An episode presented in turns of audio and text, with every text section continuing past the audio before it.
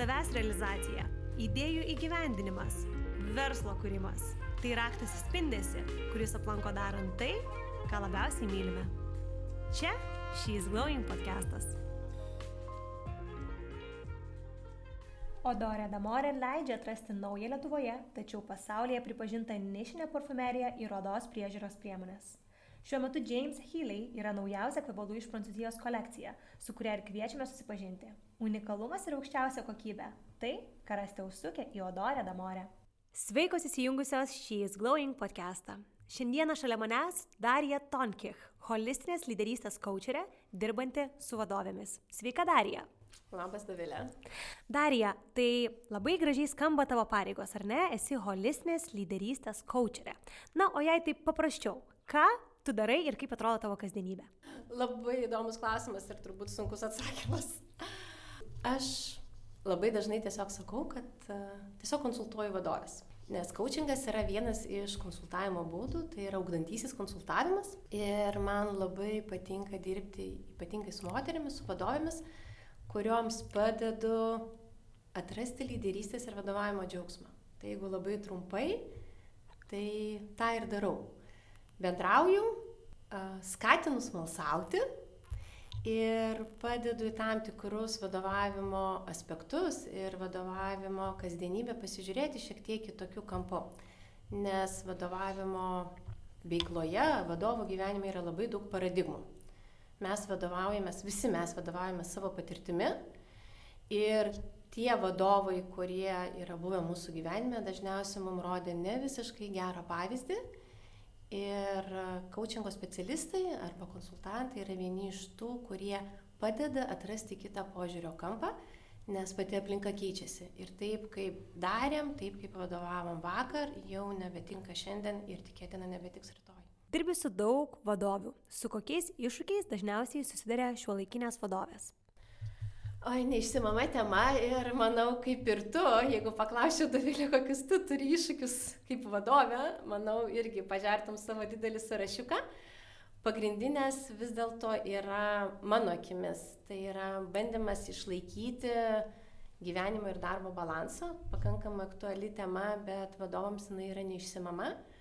Turim labai daug nuostatų, kad privalome viską žinoti, kad privalome viską padaryti pačios, kad privalome viską suspėti ir tarsi mano asmeninis gyvenimas nėra toks svarbus kaip kažkokios pareigos prieš kitus asmenys ir ypač prieš įmonę, tas atsakomybės didžiulis jausmas. Tai vengimas perdegti yra vienas iš aktualių tokių dalykų. Kitas, žinoma, komanda, darbuotojai, kaip juos išlaikyti, kaip juos užmotivuoti, ką su jais daryti. Uh, kad jie darytų taip, kaip aš noriu, ne, o ir galų gale kaip juos išlaikyti. Tai į visą tai telpa dar labai daug potemių, kurios skaidomos į ir laiko planavimą, ir delegavimą, grįžtamo ryšio davimą, padėkas, vienas, du, vienas susitikimus, tiesiog susirinkimus, ne, ir galų gale netgi tiesiog paprastą saviugdą. Turbūt tai, kad dabar padedi kitoms vadovėms, neatėjo į tavo gyvenimą be priežasties. Taigi, ką tu veikiai iki tol, kol pradėjai užsimti šią veiklą? Labai įdomus klausimas ir nežinau, ar įdomi kam nors bus istorija, bet istorija yra tokia, kad aš esu baigusi ekonomiką, draudimo vadybą, bakalaurą ir netgi magistratūrą. Dirbau 20 metų šitoje finansų srityje ir tikrai buvau gerai žinoma dėl savo žinių ir sprendimų. Uh, dar turiu teisinį išsilavinimą ir visos tos patirtis man leido gyvenime ne tik dirbti su klientais ir siūlyti draudimo sprendimus, tačiau ir vadovauti komandoms. Tai reiškia, vadovavimo patirtį aš turiu kažkuriuo gyvenimo etapu, galbūt tai sąlygoja sektorius, kuriame aš dirbau, galbūt mažas samoningumas, tikėtina perfekcionizmas ir noras viską padaryti labai labai gerai privedė prie perdėgymo. Ir kažkurio gyvenimo etapu supratau, kad, netgi žinau, kuriuo gyvenimo etapu, gimus mano vaikui, atsirado toks naujas žmogutis, kuris priverčia pagalvoti ne tik apie save, bet ir apie jį. Ir prasidėjo taip vadinamas saviugdos kelias, kai pradedi skaityti daugiau psichologinių saviugdos knygų, man labai pradėjo patikti gilintis į neuromokslą. Tai šalia to lygiai grečiai prasidėjo perdėgymo simptomai, kurių aš nepamačiau, nepamatė ir mano aplinka. Ir susidėliojus tam tikrom aplinkybėm, palikau finansų sektorių Ir gavosi taip, kad negalėjau jame tęsti ir galvojau, tai ką čia dabar veikus, nes buvau iš tų, kur, nu, negaliu sėdėti be darbo, negaliu nieko veikti, kaip aš čia dabar tiesiog pasilsėsiu. Ir tuo metu jau turėjau um, backgroundą, taip vadiname, arba pagrindus psichologijos ir coachingo. Ir pagalvojau, kad, o, pabandysiu. Nu, kodėl ne? Kaip tik puikiai yra proga išbandyti, turint omeny, kad pačių coachingo įrankių kai aš su juo susipažinau prieš tris metus, aš tikrai jį drąsiai galiu pasakyti, aš įsimylėjau. Coachingas man buvo atradimas ir aš galvojau, Dieve, kaip aš be jo gyvenau, nes tai buvo apie ugdymą, apie pagalbą kitam atrasti naujo požiūrio kampą. Ne apie pasakymą, ką tu turi daryti, o apie pagalbą, pamatyti kitaip, pa padaryti geriau. Ir aš nuoširdžiai tikiu juo ir čia yra iš to, žinai, kai kažką atrandi ir tada tau norisi, nu pamatykit tą patį, ką ir aš, ne, nu kaip jūs nematote. Tai coachingas yra tas rytis, kuri man padėjo, man atvėrė akis ir tai nėra panacėja. Jis tikrai tinkama ne kiekviename gyvenimo etape ir ne visus ir ne visada reikia coachinti bet tai yra vienas iš ugdymo įrankių, ypatingai mano supratimu reikalingas vadovės darbe. Ir ar aš noriu dirbti su vadovėmis, jis netėjo per vieną dieną, kai kartais tikiu ir tu konsultacijų metu sakai, nu, susėskit, išsigryninkit savo tikslinę auditoriją, ką nori daryti ir taip toliau. Aš ėjau ilguoju keliu, savuoju keliu, aplink, bandymo keliu ir darbas su vadovėmis atėjo natūraliai suvokus, kokią patirtį aš turiu, kokias pamokas aš išmokau, įrankiai, kuriuos aš įgavau ir juos sudėjus galvoju, taip, tai yra tai, ką aš galiu daryti ir svarbiausia, ką man patinka daryti. Man patinka atnešti pokytį ir padėti žmogui pamatyti tai, ko jis nematė. Kartais, žinai, sakoma, kad Coachingas yra užsidėjimas kito žmogaus akims. Nu, pamatyti kitomis akimis. Tai vad aš tam tikrą prasme kartais skatinu ir kviečiu užsidėti kitus sakinius ir į tam tikrą situaciją tiesiog pasižiūrėti kitų kampų. Tai vad tai ir darau. Ir tikiu, kad tos žinios ir ypatingai mano patirtis, jinai man leidžia daug ką pažiūrėti kitų kampų Ir um, tu jau žinai, turi tokį talentą detalėm, turi talentą tobulinimui. Ne visą laiką ir visiems tinka toks metodas, bet jisai turi daug privalumų. Nes kartais mes ir kalbam apie savo veiksmų tobulinimą, apie ieškojimą kažko kitokio ir geresnio. Ir jeigu moteris vadovė ieško, tai tada aš su džiaugsmu ateinu ir jai padedu. Nes jeigu neieškai, jeigu manai, kad viską darai gerai, kad viskas veikia, nors rezultatų nėra, nei aš, nei coachingas tuo metu nepadės. O dabar pakalbėkime apie tavo pačios kelią, kaip kad vadovės. Kokia vadovė buvai pati? O Dieve. Žinai, nes senai Instagrame m, pasidalinau penkiais faktais apie save ir vienas iš jų buvo uh, apie tai, kad visą laiką buvau labai priekabi ir tą priekabumą šiek tiek, tas priekabumas šiek tiek evoliucionavosi ir kartu atėjo suvokimas, kad jisai yra reikalingas, kai jisai tinkamai yra pateikiamas ir yra tinkamoje vietoje. Tai viena iš mano sėkėjų, kuri yra mano buvusi kolegė ir pavaldinė, ir sako, jo, jo, priekabi, priekabi, atsimenu. Tai aš buvau biuri vadovė. Žinok, nuoširdžiai aš atsisuku atgal ir galvoju, o Dieve, vargšės mano kolegės ir kolegos, kurie tuo metu su manim dirbo, nežiūrint to, kad kai aš išeidinėjau, buvo labai labai daug ašarų ir, ir to tokio susirūpinimo, kaip jie liks be manęs.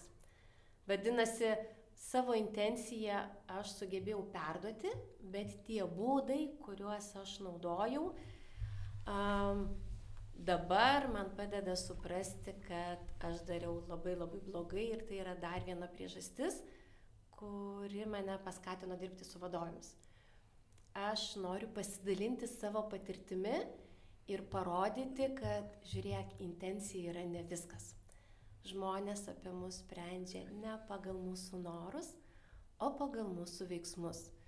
Dėl to reikėtų žiūrėti biški į priekį ne vieną žingsnį, ką aš noriu padaryti, o vis dėlto penkis žingsnius į priekį, o kaip tai atrodys ir kaip priims žmogus. Tai aš buvau priekabi reikli, labai kontroliuojanti, mananti, kad viską turiu išspręsti pati ir dar galvojanti, kad aš žinau geriau. Tai iš tikrųjų norėjau pasakyti, kad turbūt tai ir būtų tie dalykai, ką būtų galima įskirti iš vadovių, kurios, jeigu dabar klausant, klausydamos atpažino save, tai turbūt turėtų sunerimti ir pagalvoti, ar iš tikrųjų yra tokios geros vadovės, ar ne?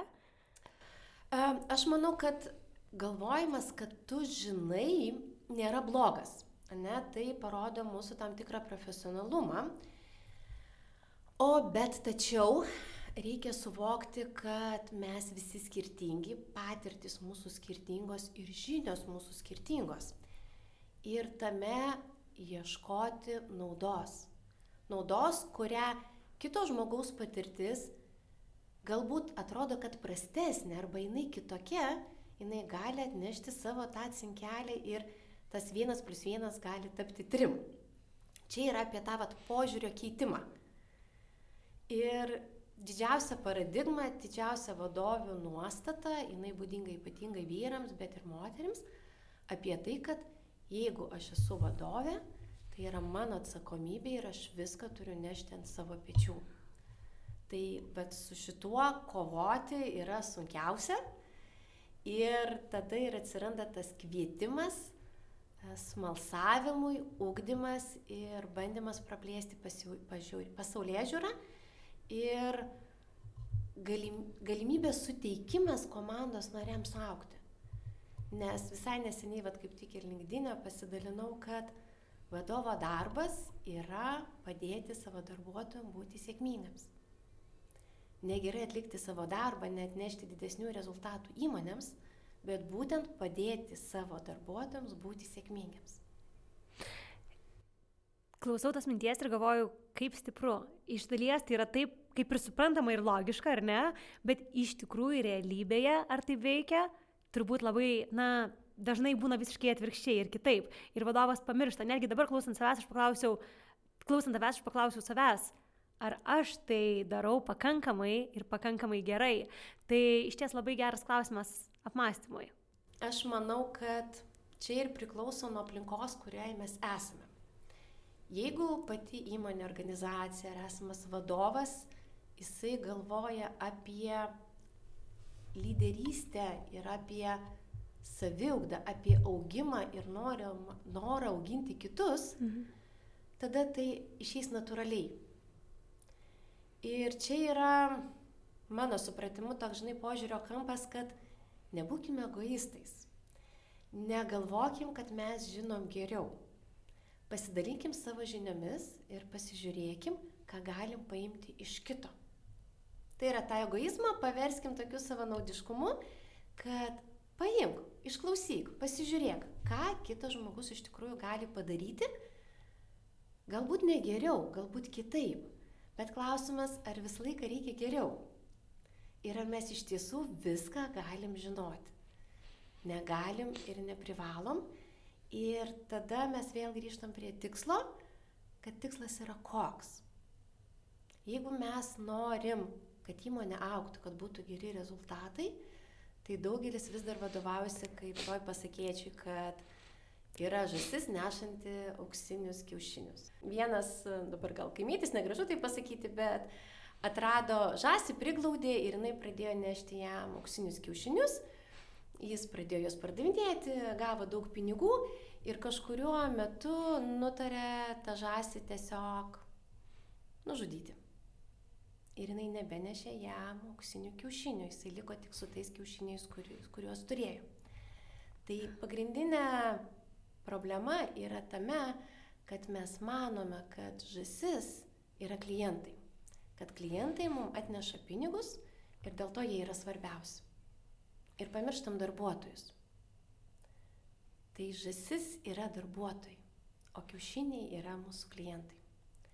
Kai darbuotojas yra sėkmingas, kai jiem gerai sekasi, kai jis yra patenkintas savo darbu, kai jisai žino, ką jisai gali padaryti, kai jis turi įgaliojimus, gali priimti sprendimus, tada įmonė bus sėkminga ir ta įmonė gaus daug auksinių kiaušinių. Ir tada visiems vadovams bus labai gerai. Jie tada suvoks, kad jie gerai daro savo darbą. O kai vadovas mano, kad jis tiesiog turi surinkti kiaušinius arba juos prižiūrėti, arba rūpintis e, savo klientais, nes jie yra patys svarbiausi. Mes turime, kad darbuotojai palieka įmonės, jie jaučiasi nereikalingi, neįvertinti. Ir tada turim situaciją, o kas buvo blogai, o kodėl pas mane niekas nenori dirbti, o kodėl mane palieka. Tokie nuostabi įmonė, tokie nuostabus klientai, tokios geros darbo sąlygos. Tai darbo sąlygos yra tas, kur nėra vieno recepto. Labai populiaru įti įmonėse turėti, nežinau, tenai stalo tenisą, kad galėtų žaisti, kompiuteriniai žaidimai, bandelės penktadieniais, protmušiai, visa kita. Bet ar iš ties visiems reikia šitų pramogų ir kas daro mus motivuotais? O iš kur žinoti, ko nori mūsų darbuotojai? Ir ko jie dažniausiai nori. Galbūt irgi tu galėtum pasidalinti kažkokiamis išvalgomis, gal netgi lengvai pritaikomais patarimais, ką kiekvienas žmogus galėtų pritaikyti ar ne savo gyvenime, atnešti į savo kompaniją vieną galbūt naują dalyką, kuris jau galbūt pakeltų darbuotojų motivaciją. Vienas patarimas, kuris galioja visose santykiuose, mūsų asmeninėse, mūsų darbinėse, tai yra kalbėtis. Mes dažnai nesikalbam viską paliekam pagal nutilėjimą. Ir, ir čia yra, aš gal kvieščiau, žinai ką kvieščiau? Kvieščiau pasidomėti tai žmonėmis, su kuriais dirbate. Tiesiog, natūraliai, žmogiškai. Kai mes pažįstam, koks yra žmogus, mes geriau suprantame, kas jam yra svarbu. Nes mus motivuoja labai skirtingi dalykai. Vienus tikrai motivuoja pinigai, Ir čia galim grįžti prie Maslau teorijos, tie, kas susijęs su vadyba ir ekonomi, turi ekonominį išsilavinimą, tikrai žino Maslau teoriją, kur apačioje yra fiziologiniai poreikiai. Jeigu man reikia galvoti, už ką nusipirkti pavalgyti, ne, ar kaip susimokėti mokesčius, man tikrai nerūpės jokia iniciatyva ir, ir kažkokių pasiūlymų teikimas įmonėje. Tai darbo sąlygos, atlyginimas, tai yra toksai mast, nuo jo reikia pradėti. Kai mes patenkinam fiziologinius poreikius, tada mes galim eiti piramidę aukštyn ir va čia ir yra, vienam reikia pripažinimo, kitam reikia komandinio darbo, kitam reikia įgalinimo, kitam įdomių užduočių, kitam reikia kuo paprasčiau ir kad tyliau ir prie jo nelystų niekas iš viso. Ir vat, atsakant į tavo klausimą, o kaip sužinoti, nueiti ir paklausti. Nes mes dažniausia darom, žinai, surandam piliulę, kišam ir sakom, palauk, tai kodėl tu nepasveikai? Tai visi grįžkim prie to, kad kai mes nueinam pas gydytoją ir sakom, duok man vaistų, visą laiką iš gydytojo sulaukiam klausimų, tai palauko, kokie tavo simptomai, ne, ką to iš tikrųjų skauda. Net jeigu skauda tik tai galvą ar pilvą, vis tiek yra klausimo, kokie tai yra skausmai, nes tai gali įtakoti gydimo procesą ir vaistų parinkimą. Tai su motivacija yra lygiai tas pats. Aš negaliu visų užkišti, nežinau, pinigais ir sakyti, žiūrėk, aš moku jums didžiausius atlyginimus, kodėl jūs nedirbate. Dėl to, kad daugeliu reikia elementaraus ačiū ir palaikymo. Įdomi statistika, kurią sužinojau šią savaitę, kad apie 82 procentus vadovų, kurie praranda savo darbuotojus, komandos narius, mano, kad darbuotojai išeina dėl didesnio atlyginimo. Kita statistikos pusė rodo, kad tik apie 11-12 procentų išeina dėl didesnio atlyginimo Visa kita lygusi dalis yra dėl kitų priežasčių, tame tarpe ir grįžtamojo ryšio nebuvimo. Palaikymo nebuvimo, įgalinimo nebuvimo ir taip toliau. Tai einame prie to, kad ko labai nenorim, ko labai vengiam, bet sprendimai jie turi būti individualūs. Aš manau, kai pas mane klientės ateina, jos turbūt irgi nesitikė, kad aš, nežinau, kaip iš enciklopedijos eisiu pagal abecelę ir taikysiu kažkokius metodus. Matyt, nori, kad aš įsigilinčiau į tą konkrečią situaciją ir padėčiau atrasti sprendimą, kuris reikalingas toje konkrečioje situacijoje. Taip ir darbuotojai. Jie irgi nori būti išgirsti ir nori pasijusti vertinami. O kaip aš būsiu vertinamas, labai labai yra individualu. Tai vad vadovo darbas yra dirbti su žmonėmis, skirti laiko. O dažniausia laiko skiria verslui, gaisrų gesinimui, nuvažiuoti pas klientą, ne, nu, svarbus klientas. O darbuotojas, nu, tai kur jis dings, nu, tai jis yra, nu, tai, nu, Marytė, o, nu, tai, rytoj, nu, tai kiekvieną dieną matomės, kokie klausimai. Mano duris atviros. Tai yra labai dažnas vadovų požiūris ir po kažkiek laiko darbuotojas jaučiasi nereikalingas, neišgirstas. O kai mes jaučiamės nereikalingi, neišgirsti, dažniausiai mes apsisukam ir išeinam. Ir kaip manai, kiek daug dėmesio, nes vėlgi, ar ne, tu esi teisi, sakydama, kad uh, vadovas tikrai turi milijoną darbų, kuriuos reikia padaryti. Ir jeigu visą laiką vien ar neskirs darbuotojams, tada jis gali sakyti, o kada priimti kitus svarbius sprendimus.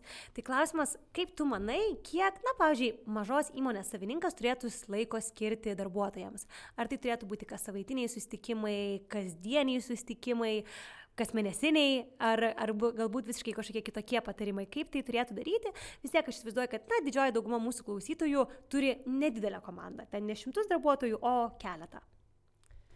Jeigu tai būtų coachingo sesija, tai aš pradėčiau klausimų į klausimą. Ne? O kokie darbuotojai, ar jie mėgsta bendrauti, kokia yra jų patirtis, ant kiek jie supažindinti su įmonės istorija ir vertybėmis. Tai va čia yra tie klausimai, kurie padėtų susidaryti bendrą vaizdą ir atsakymas vėl, vieno nėra.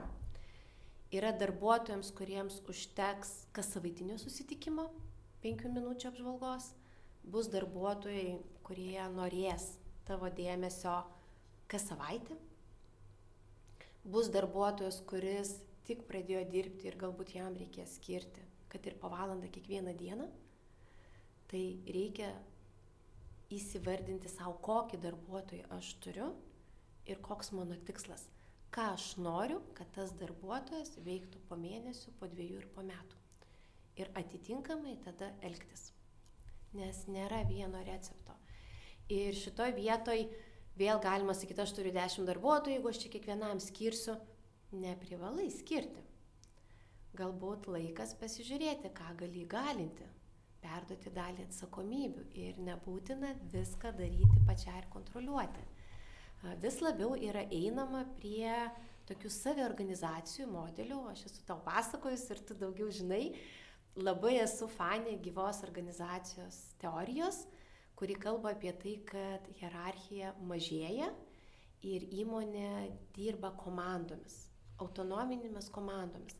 Vadovo funkcija idealiu atveju yra labiau kaip facilitatorius. Jis turi būti vadovu, mes neišvengsim, ne, bet tai yra ne tas žmogus, kuris viską žino ir, ir sako, ką daryti. Tam tikrus įgaliojimus ir labai daug įgaliojimų mes galim perduoti kitiems. Ir labai dažnai žmonės pasijusdami svarbus, kai tiki, kad gali ir tikrai žino ir jaučiasi savo srities specialistai, jie tik tikrai padarys ženkliai daugiau, negu kai bus kontroliuojami. Tai vienas iš patarimų - nebijokit auginti, nes dažnai matau, kad bijo auginti, nes pabėgs. Tai nebijokit auginti, nebijokit įgalinti ir į darbuotojus žiūrėkit kaip į partnerius. Čia vad požiūrio klausimas. Jeigu aš žiūriu į žmogų, kuris tiesiog ateina man atidirbti, mes jaučiam. Mes jaučiam, kaip į mus žiūri. Tai jeigu į mane žiūri ir nori mane išnaudoti, Nu, turbūt po kažkiek laiko žiūrėsiu, nu gerai, tu mane išnaudoji, okei, okay, ką aš čia galiu tada maksimaliai gauti šito įmoniai.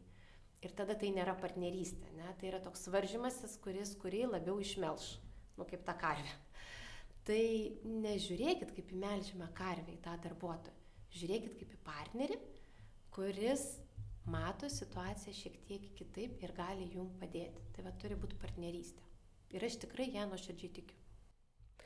O kaip manai, ar yra kažkokie, na, tos vadinamos raudonos vėliavos, kurias turėtų atkreipti dėmesį įmonių vadovai, kalbant apie darbuotojus, nes čia vėlgi aš dirbu su moterimis, ar ne, dar, žinai, kaip tik iš kitos perspektyvos ir pas mane ateina vadovės, kurios sako, aš turiu tą darbuotoją ir aš tikrai regis, na taip noriu, man jis taip patinka kaip žmogus, bet eina trečias, penktas, devintas mėno, bet rezultatai yra prasti. Ir aš nežinau, ką daryti, nes aš to žmogaus atleisti nenoriu. E, tačiau, ar ne, man patinka tas žmogus, tačiau rezultatai, na, blogi, ar ne? Ką daryti čia? Uh, vėl vieno atsakymo nėra. Na, suprantu, kad norisi vieno recepto eilinį kartą, bet jo nėra. Aš galbūt pradėčiau nuo to, kad pakalbėčiau su žmogum, ką jam patinka daryti ir ką jisai moka daryti. Neseniai praeitą savaitę, tarp kitkos, kalbėjom su šiais Glowing klubo narėmis, turėjom tokius vadovių pusryčius, vadinkim, ir viena dalinosi, kad va irgi turi kolegą, kuris yra neįsitraukęs kuriam ir atlyginimas geras ir atrodo jau sutari, ką darys, bet jisai nepadaro. Eilinį kartą prisižada, prisijama atsakomybę, daug projektų, bet nepadaro ir nukenčia įmonė. Labai labai gerai. Ir sako ir irgi, ką daryti. Ir paskui kartu, kaip nebūtų keista, prasitarė, bet jis vad išrašinėja sąskaitas, pasirodo net nežino, kaip išrašinėti sąskaitas. Nors tai yra viena iš funkcijų. Tai mes grįžtam prie to, kad pradėkim domėtis, ką darbuotojas žino savo veikloje, ką jisai atlieka ir kuo jis vadovaujasi. Ir labai labai nustepsit, sužinojusios, kad labai dažnai, nežiūrint to, kad turi žinoti, nežiūrint to, kad atlieka tam tikras funkcijas, labai dažnai nežino, kaip tą daryti geriau, nežino, kokios pasiekmes bus, jeigu kažko nepadarys, tai yra neturi to bendro vaizdo ir nesuvokia, kur gali gauti informacijos ir jos paprašyti. Atrodo elementarūs dalykai, atrodo savaime suprantama, tai čia yra tai, ką aš vadinu taisyklė numeris 2 - savaime suprantamų dalykų nėra. Kiekvieną kartą su darbuotoju kalbėkit taip, tarsi priimtumėt į pirmą darbo dieną. Nes mes turim nuostatą, nu taigi tu dirbi, tu jau žinai. Nu taigi tu šitą žinai, nu tai gerai einam toliau. Sustokit ir paklauskit, ką žinai. Pasidomėkit, kaip darai. Neveltui coachingo įgūdis yra įvardinamas kaip vienas tarp top 5, kurios turi turėti šio laikinis vadovas. Neskubėkim teisti. Pasiklauskim, sužinokim. Kai matysim bendrą vaizdą, tada galima dėliotis planą. Gal žmogus tiesiog ne savo vietoj. Gal jam reikia pakeisti funkcijas ane? Gal jis turi kažkokių baimių, ane? Gal tokių daug, daug gal ir kai išbandysim, paskutinis bus taip. Visą laiką turi būti paliktas variantas, kad mes atsisveikinsim ir tame nieko nėra blogo. Yra didžiulė baimė atsisveikinti su darbuotojus, nesuprantu kodėl. Ane, tarsi pasirodysiu bloga, žiūrėk, mes čia beveik draugės, bet tada grįžtam, kalbamės. Mes susirinkom nedraugauti, o dirbti, mūsų draugystėje tai įtakos neturi. Draugaujam po darbo valandų, čia dirbam.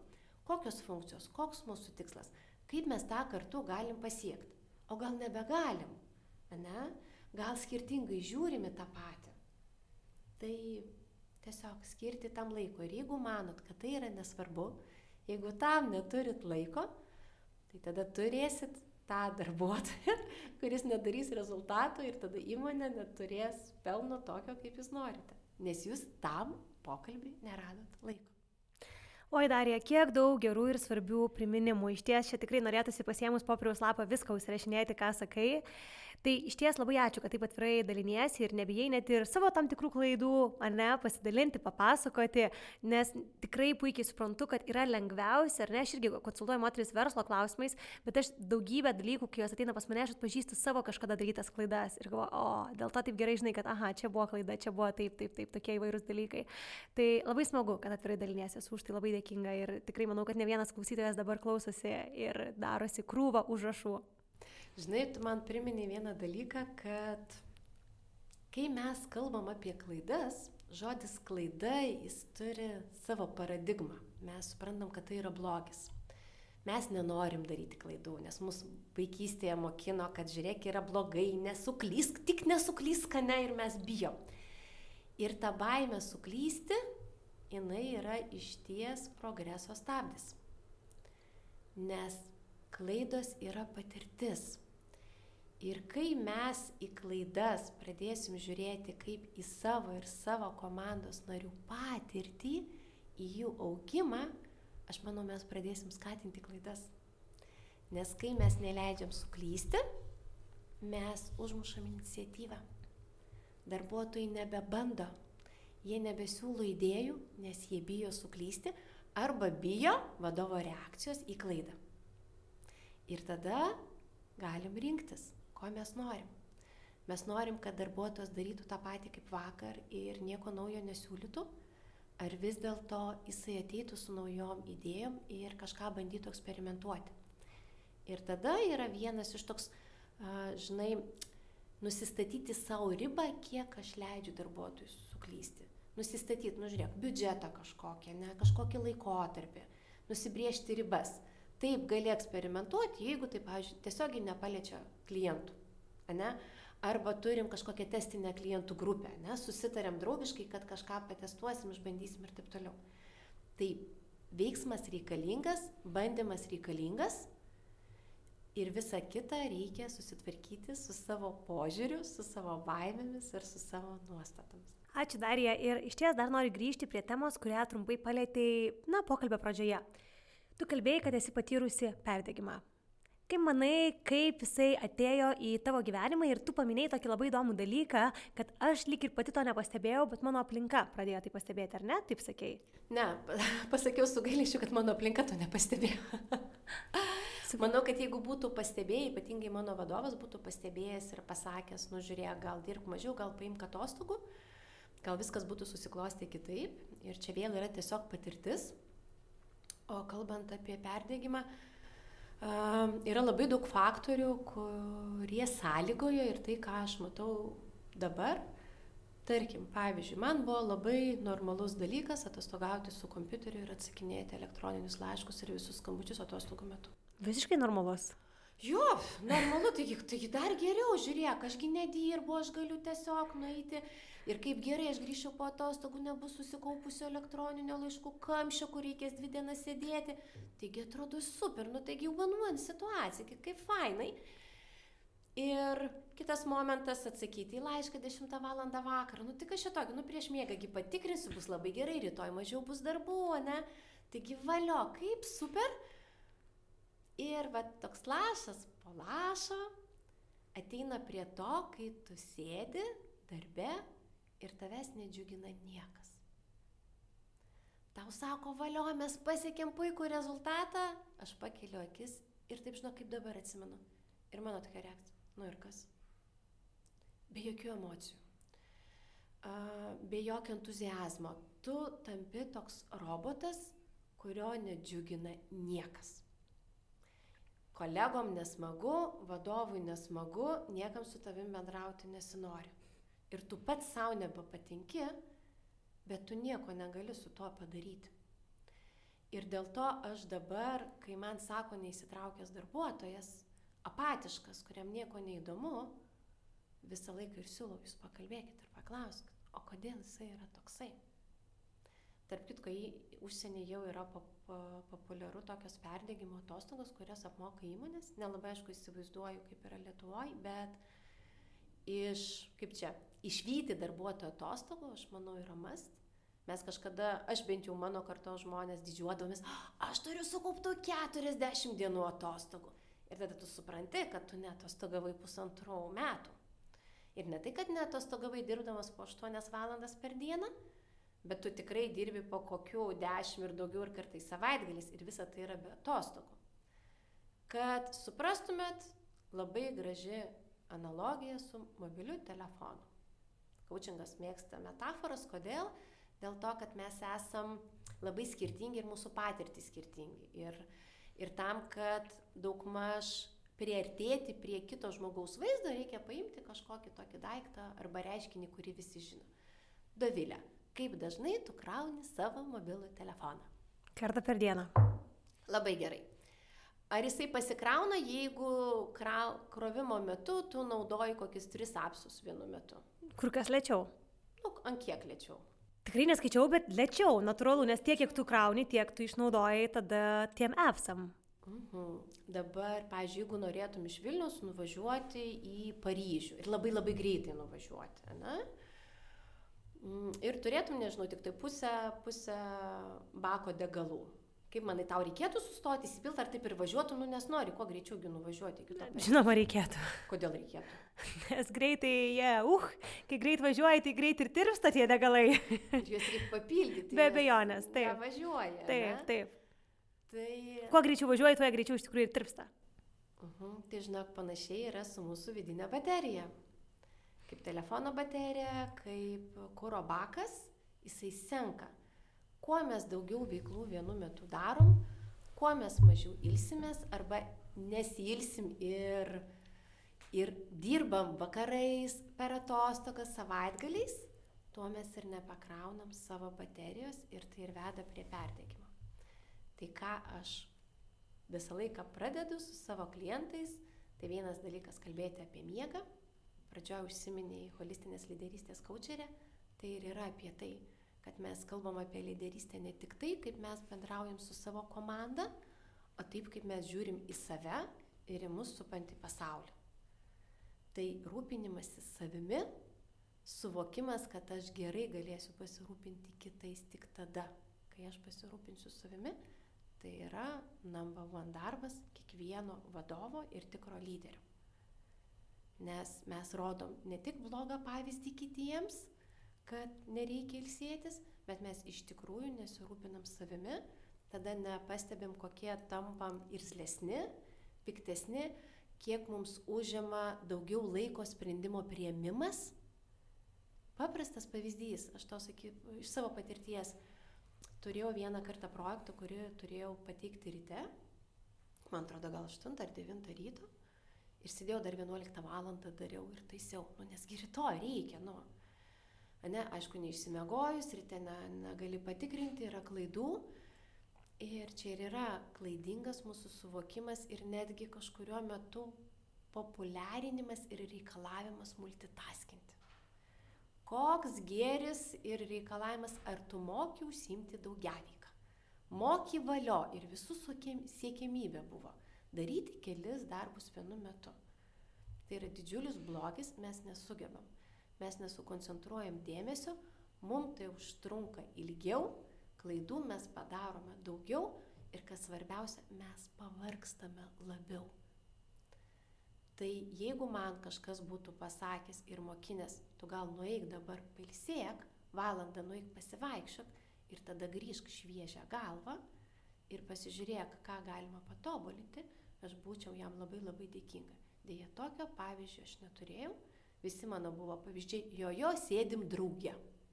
Ir tada tu sėdi, nieko nematai, įsivaizduoji, kad tu dirbi, ne jautiesi labai svarbus, bet rezultatas netoks. Tai mokėjimas sustoti, mokėjimas prisiminti, o koks mano tikslas ir įsivardinti bent kelis būdus, kaip aš tą galiu padaryti ir yra apie samoningumą, ko mums visiems labai labai trūksta. Dar iš ties labai daug naudingų minčių ir artėjant prie mūsų podcast'o pabaigos, aš tiesiog noriu paklausti, kaip žmonės gali dirbti su tavimi. Tai vienas iš dalykų, žinoma, mes turime tavo kursą She's Glowing klube. O ką darai dar be to? Ar tu individualiai konsultuoji moteris, ar kaip jom padedi? Aš labai mėgstu iš tikrųjų individualias konsultacijas, nes tada matai rezultatą ir pakankamai greitai matai rezultatą. Nors labai retai užtenka vienos sesijos arba vieno susitikimo, nebent klausimas yra labai konkretus, bet coachingas vis dėlto yra apie požiūrę keitimą. Ir tas požiūris yra nekonkretus veiksmas, tai yra mūsų mąstymo būdas ir jį pakeisti, kaip ir pakeisti įpročius, nėra taip lengva ir užima laiko. Tai vedu mokymus, iš tikrųjų dirbu ir su įmonėmis, darau pranešimus įvairius, įvairias grupinės sesijas, vertybių sesijas. Tai yra viskas, kas komandom padeda bendradarbiauti ir atrasti savo stiprybės. Mokėjimas dirbti kartu, pažiūrėjimas į kitą žmogų kitomis akimis, tai yra tai, ką mes labai dažnai pamirštam, nes mes skubam, darom. Čia neatsimenu, ar tau, kada esu sakiusi tą pavyzdį, toks labai būtinis, senovinis, pjauna žmogus su dalgiu javus ir pjauna, pjauna, prieina draugas, sako, klausyk, gal sustok, pagalask. Negaliu, turiu labai daug darbų nuveikti. Ne? Tai bet čia yra apie tai. Prisiminkim, kad stiprybė, iš tikrųjų mūsų stiprybė yra gebėjime sustoti ir pasižiūrėti, gal mes ne į tą pusę einam. Gal mes ne su tai žmonėmis einam, o gal tiesiog mums jau nebereikia niekur eiti. Tai vad tas voveraitės užstrigimas ir bėgimas ratu, jisai turi nuo kažko prasidėti, ne, ir turi ties kažko sustoti. Tai to ir linkiu. Ir jeigu manote, kad negalit sustoti patys, bet norite, tai tada taip, kviečiu drąsiai susisiekti ir tada ieškosim, ar tai yra coachingas, Ar tai yra tiesiog konsultacija, ar tai yra bendra veikla su komanda, nes vieno sprendimo lygiai taip pat nėra, nes situacijos būna labai labai skirtingos. Darija, ir pabaigai paskutinis klausimas. Jeigu dabar tau reikėtų sugrįžti atgal į tuos laikus, kai tu buvai tik pradedančioji vadovė, kokį vieną patarimą savo duotum? vieną patarimą? A, turbūt pamilti žmonės. Aš kažkodėl manau, kad mes per mažai mylim žmonės. Ir tada ne ta kūniška meilė, o tiesiog, kad kitas šalia esantis žmogus, nesvarbu, kad jis į mane nepanašus, nesvarbu, kad jis masto kitaip, jisai turi kažką gero. Ir aš iš jo irgi kažko galiu išmokti ir aš jam irgi galiu kažką duoti. Tai vad, kai mes kažką mylim, kažkas mums patinka, tada mes norim, ne, va tau patinka kažkoks žmogus ir tada tu nori ir jam padėti. Ne, tai va tas, va ta simpatija aš bendraja, bendrų žodžių pavadinčiau meilę. Ne? Tai va pamil, pamilti žmonės, nes prieš tai aš tikrai nelabai mylėjau žmonės, galiu prisipažinti. Ačiū tau Darija už nuoširdumą, už be galo daug naudingų patarimų ir iš ties buvo labai labai gera turėti tave čia mūsų She's Going podcast'o studijoje. Tikiuosi, kad puikiai praleidai laiką klausydamasi She's Going podcast'o. O jei nori daugiau bendrystės, nuostabių ir įkvepiančių istorijų, naujų žinių, renginių ir kitų privilegijų, kurias gauna tik She's Going klubo narės, keliauk tiesiai į mūsų internetinę svetainę www.sheisglowing.lt ir tap mūsų klubo nare.